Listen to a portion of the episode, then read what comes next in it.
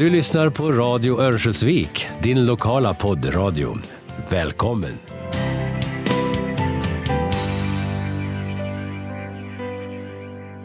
Mitt namn är Karl Kempe. Jag har tidigare presenterat mig i ett tidigare program. Nu ska jag tala om Modos historia och Kempestiftarnas bakgrund och nuvarande verksamhet. Men vi börjar med Modos historia.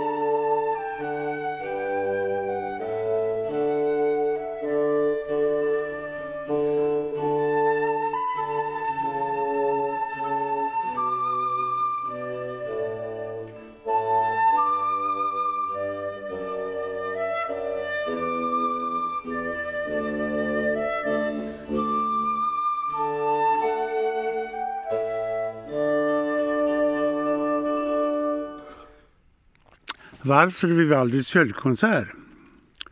Jo, min farfars far, Johan Karl Kempe, grundaren av Mo Domsjö, spelade flöjt. Han föddes 1799 i Stralsund, en svensk del av Tyskland sedan 200 år och kände sig därför alltid som svensk trots att hans huvudspråk var tyska.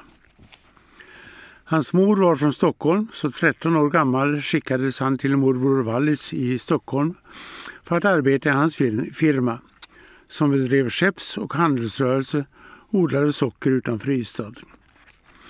Detta för att IC skulle undvika Napoleonkriget som hotade Stralsund. Hos morbrodern hade han en kompanjon, Olof Wikner, vars far bedrev handelsrörelse i Härnösand. När sedan JC 18 år gammal kom på kant med sin morbror erbjöd kompanjonen honom att komma upp och arbeta för hans far. Stralsund hade då blivit en del av Preussen som inte hade samma inställning till sjöfart som Sverige. Så det var bättre att stanna i Sverige än att återvända till hem, sitt hem i Stralsund.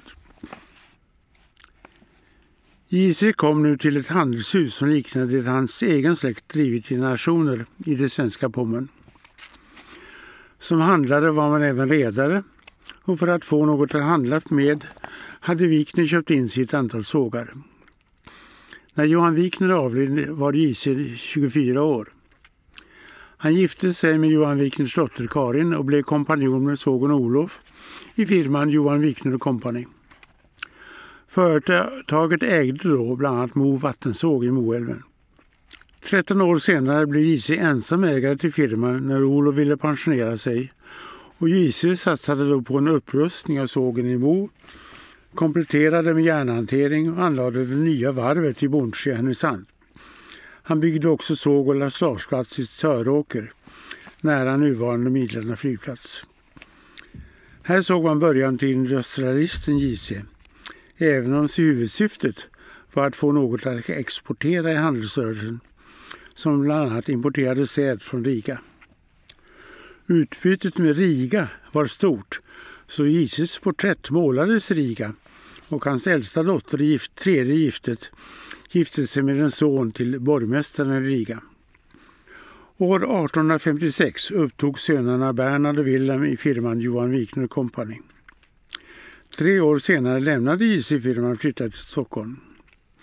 Han driver sågverksrörelsen och järnverket i Mo från Stockholm under namnet firma JC Kempe. 1965 byggde han, bygger han Domsjö såg på den lastageplats han tidigare köpt in för att lasta virket från Mosågen. Allt lastades ju då för hand.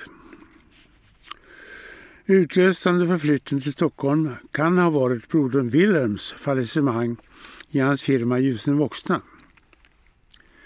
Det resulterade i ett 25-procentigt ackord med hans fordringsägare. Wilhelm hade kommit till morbrodern Wallis efter det att Ise lämnat, gift sig med kusinen Johanna Wallis och efter en tid i lära hos brodern i Härnösand startade han en egen firma som växte sig stor. Deras enda barn, dottern Wilhelmina, gifte sig från Hallwyl och skapade det Hallwylska palatset i Stockholm. Karin gick bort 1838 och det tog sex år innan JC hittade sin nya hustru, biskopsdottern Fanny Fransén. De fick två barn innan både mor och dotter gick bort vid födelsen av det tredje barnet. Då kom Fannys syster Charlotte Franzén till svågerns hjälp med de två små barnen Helena och Frans. JC och Charlotte gifte sig 1849. Det blev sex nya barn, av vilka fem överlevde honom. Däribland min farfar Seth och Lottie, donator till Kempestiftelsen och gift med sin svåger, livmedikus Ragnar Bruselius, Änkling efter Lotties syster Helena. Det yngsta barnet i denna kull var Berta som gifte sig med läkaren Maurits Hallin som stod mycket nära Lottie, liksom sonen Karl Salin gjorde. Den 17 oktober 1872, sju år efter att ångskyddsågen startat upp, dör JC på ångfartyget Ångermanland på väg till Stockholm med två av sina döttrar, den ena Lottie. Hans överlevande elva barn bildade Mo aktiebolag. Nils Ahlund skriver i sin bok Mo 1917 följande om J.C. Kempe. En ovanlig rörlighet, handlingskraft och vigör präglade hans gärning. Så uppges enstämmigt av den som känt honom. Han hade en sällsynt stark fysik. Han brukade själv rida in de unga hästarna på sina gårdar. Mer än en gång räddade han människoliv, stark simmare som han var. Hans rättskänsla och hedlighet som affärsman vore höjda över varje tvivel.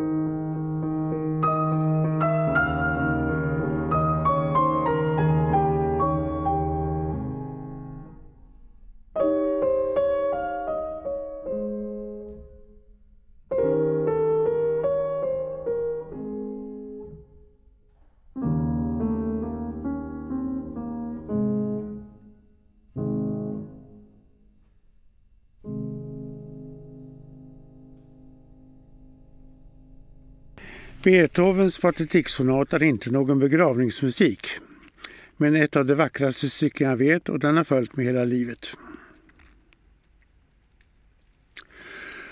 Mo och Domsjö aktiebolag, Modom, bildades således 1873 med aktierna fördelade mellan syskon och syskonbarn.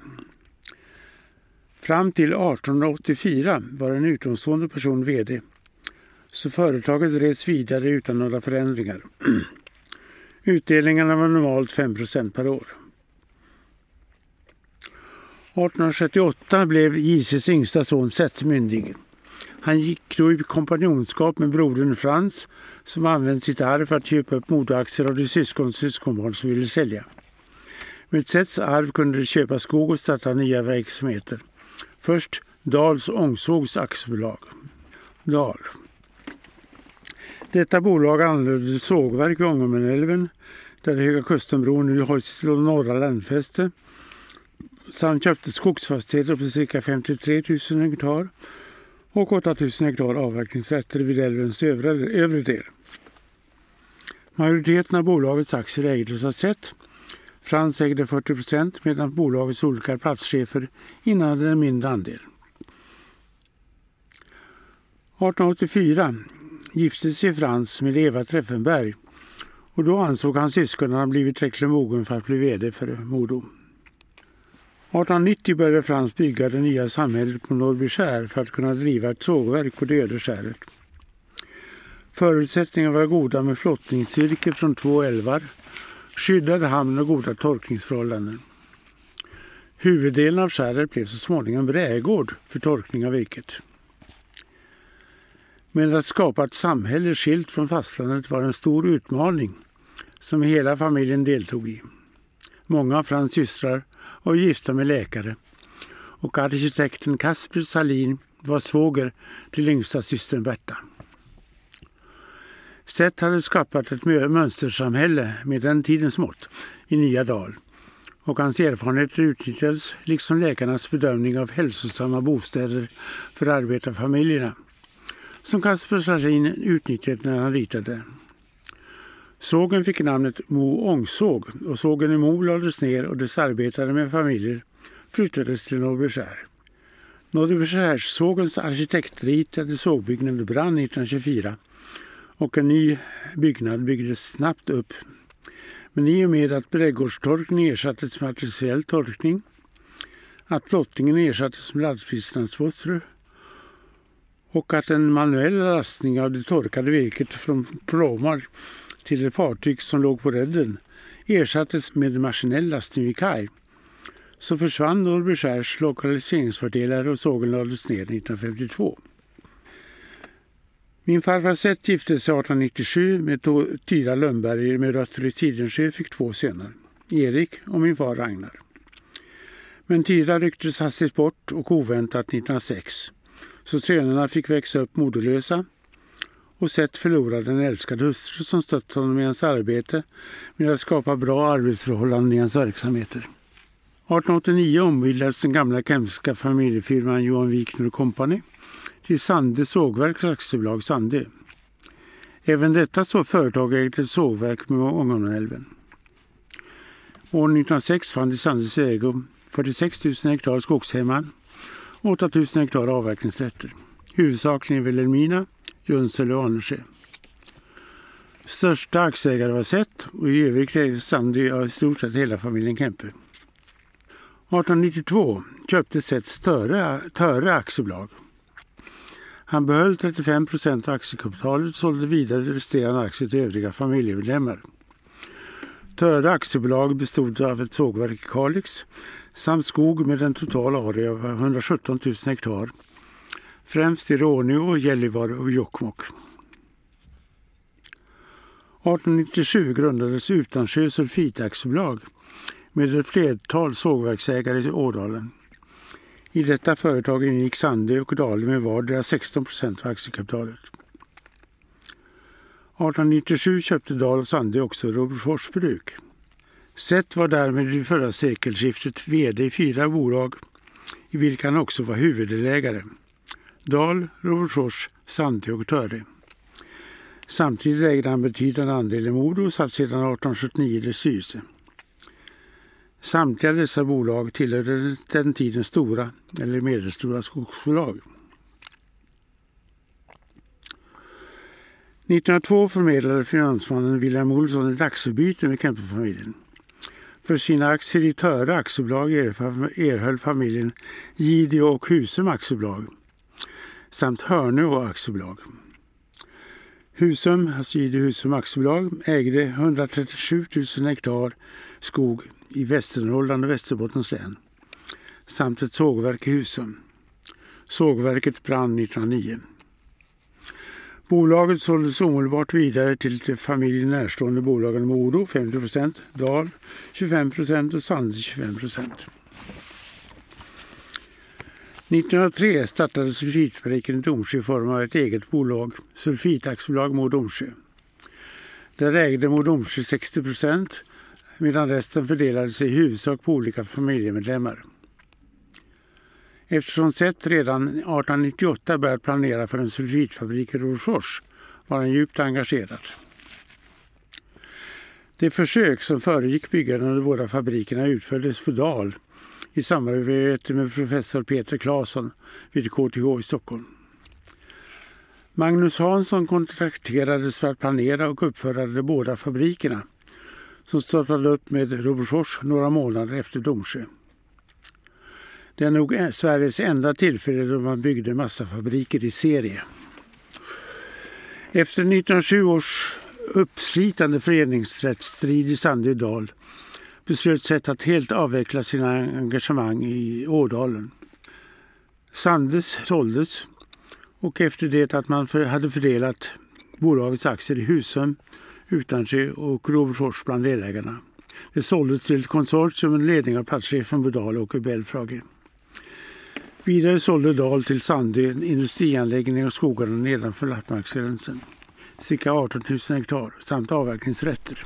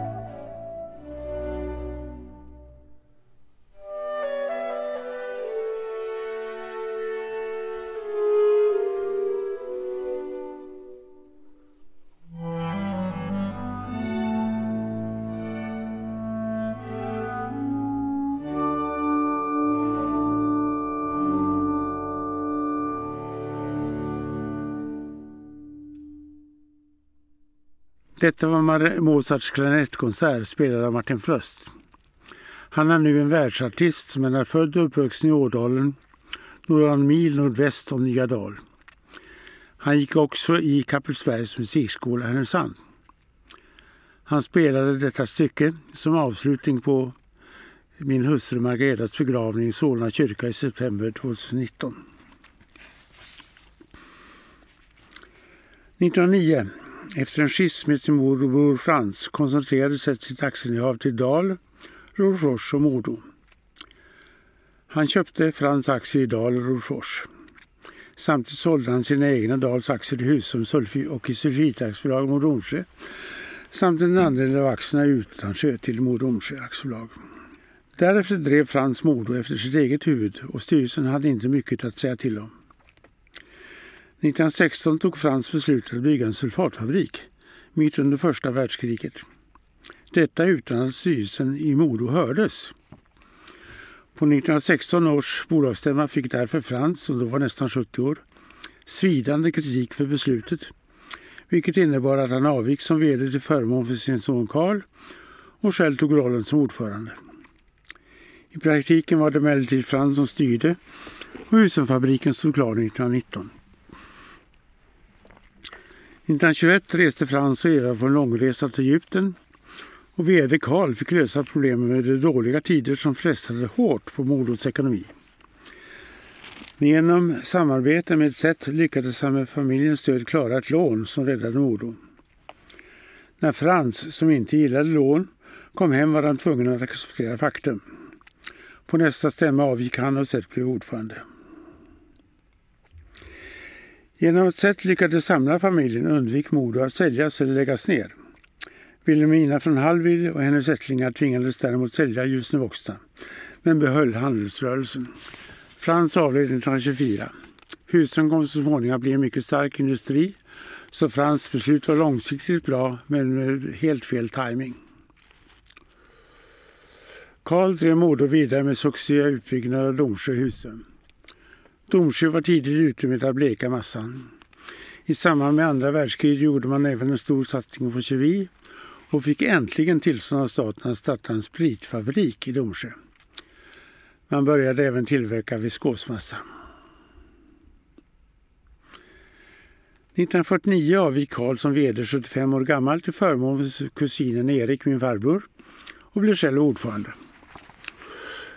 Sannolikt var detta uppgjort redan 1936 i samband med Kempestiftelsens bildande.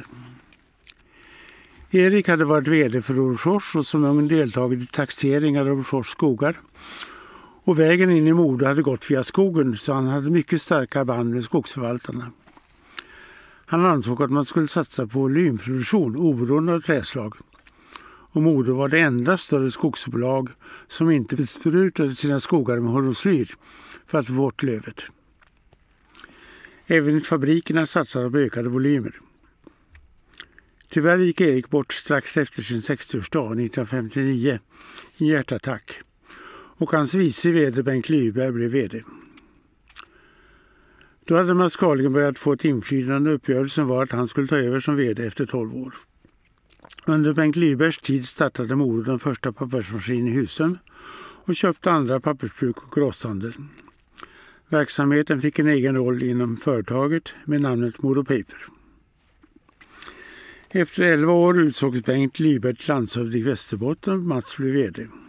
1988 fusionerades Modo med Iggesundsbruk AB, Holmsbruk AB. 1980 började således en tid i Modo som dominerades av Mats Carlgren och som fortsatte tills han tvingades sälja sina aktier i Modo 1990. SCA var köparen av Mats aktier och den näst största aktieägaren var Fredrik Lundberg. SCAs mål var att i första hand ta hand om Modos tryckpappersrörelse så gick betydligt bättre än SCAs. Kempestiftelserna var den tredje stora aktieägaren och tillsammans med Lundbergs ansåg vi att Modo skulle må bäst av att vara ett självständigt företag och inte uppslukas och styckas av SCA.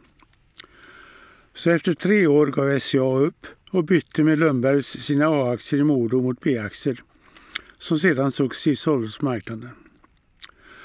Så Modo fortsätter att vara ett självständigt företag med i stort sett skog och vattenkraft som bas, även om det nu är ett dotterbolag till Lundbergssfären. Det innebär att Modo nu åter är ett familjebolag med en stark och professionell ägare. SCA kom tillbaka som partner i och med att man slog ihop SCA Fine Paper med Modos finpappersrörelse, Modo Paper AB, till ett nytt bolag ägt 50-50 mellan SCA och Modo med namnet Modo Paper men med en ändrad stavning. Modo Domsjö aktiebolag bytte namn till Holmen aktiebolag efter att först Domsjö avyttrats till ett konsortium med bland annat Tore Rekén som delägare och därefter Modo Paper sålts till Modo Metsäla som bjöd ett så högt pris att det inte gick att säga nej. Meningen var annars att Modo Paper skulle sättas på börsen och bli ett självständigt bolag med delägande av det gamla Modo. Därför bytte man namn för att inte få två Modobolag på börsen.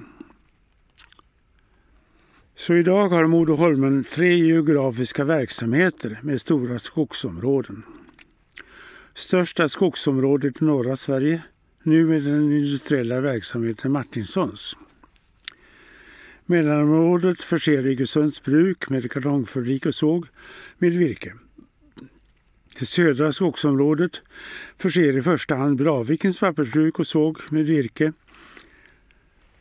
Till Holmen Paper hör också Hallstavik som är en stor tillverkare av bokpapper och andra förädlade papper byggda på termomekanisk massa och som får sin väd både från mellan och södra skogsområdet. Holmen är till 60 procent självförsörjande med virke. Till industrin hör också kartongfabriken i Workington i norra England. Sedan 1985 ligger Modoholmens huvudkontor i praktiken på Strandvägen 1 i Stockholm. Men den formella flytten gjordes först 15 år senare. Kvar i Örnsköldsvik finns ledningen för Holmens skog. Se vol ballare, signor Contino, se vol ballare, signor Contino, il chitarrino le suonerò. Il chitarrino le suonerò, sì, le suonerò, sì, le suonerò.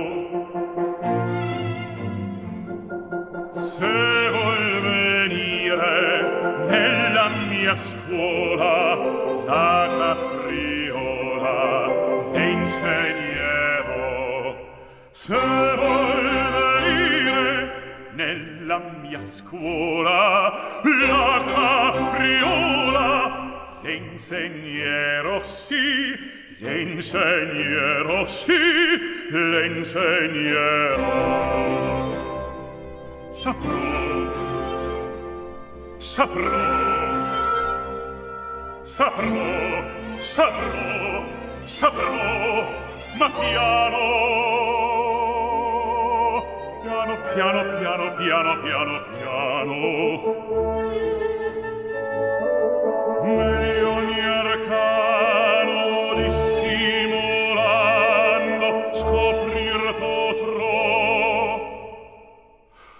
L'arte scrivendo, l'arte adoprando, di qua fuggendo, di là cessando, sanno, tutte le macchine rovescerò, rovescerò.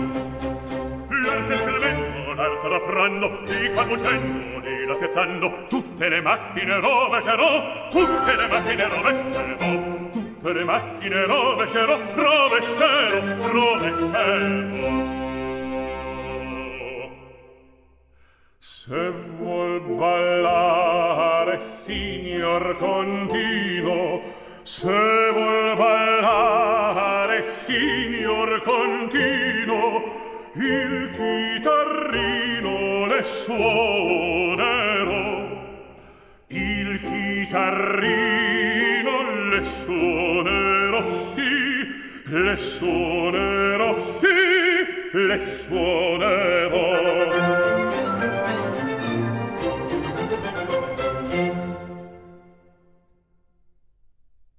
Vi har hört del två av Karl Kempes program om Modos historia. Som avslutning på programmet hörde vi arien Se vul ballare ur Mozarts Figaros bröllop, första akten. Och den som sjöng det var den norrländske världsartisten och operasångaren Peter Mattei. Texten säger att om ni vill dansa herr greve så slår jag an takten på min gitarr. Den visar att det inte alltid är den som bestämmer som får rätt. Ett exempel är när den dåvarande vdn för Modo bestämde att massafabriken i Domsjö skulle läggas ner i mitten på 90-talet. Så blev det ju inte. I nästa avsnitt får vi höra Karl Kempe berätta om Kempestiftelserna.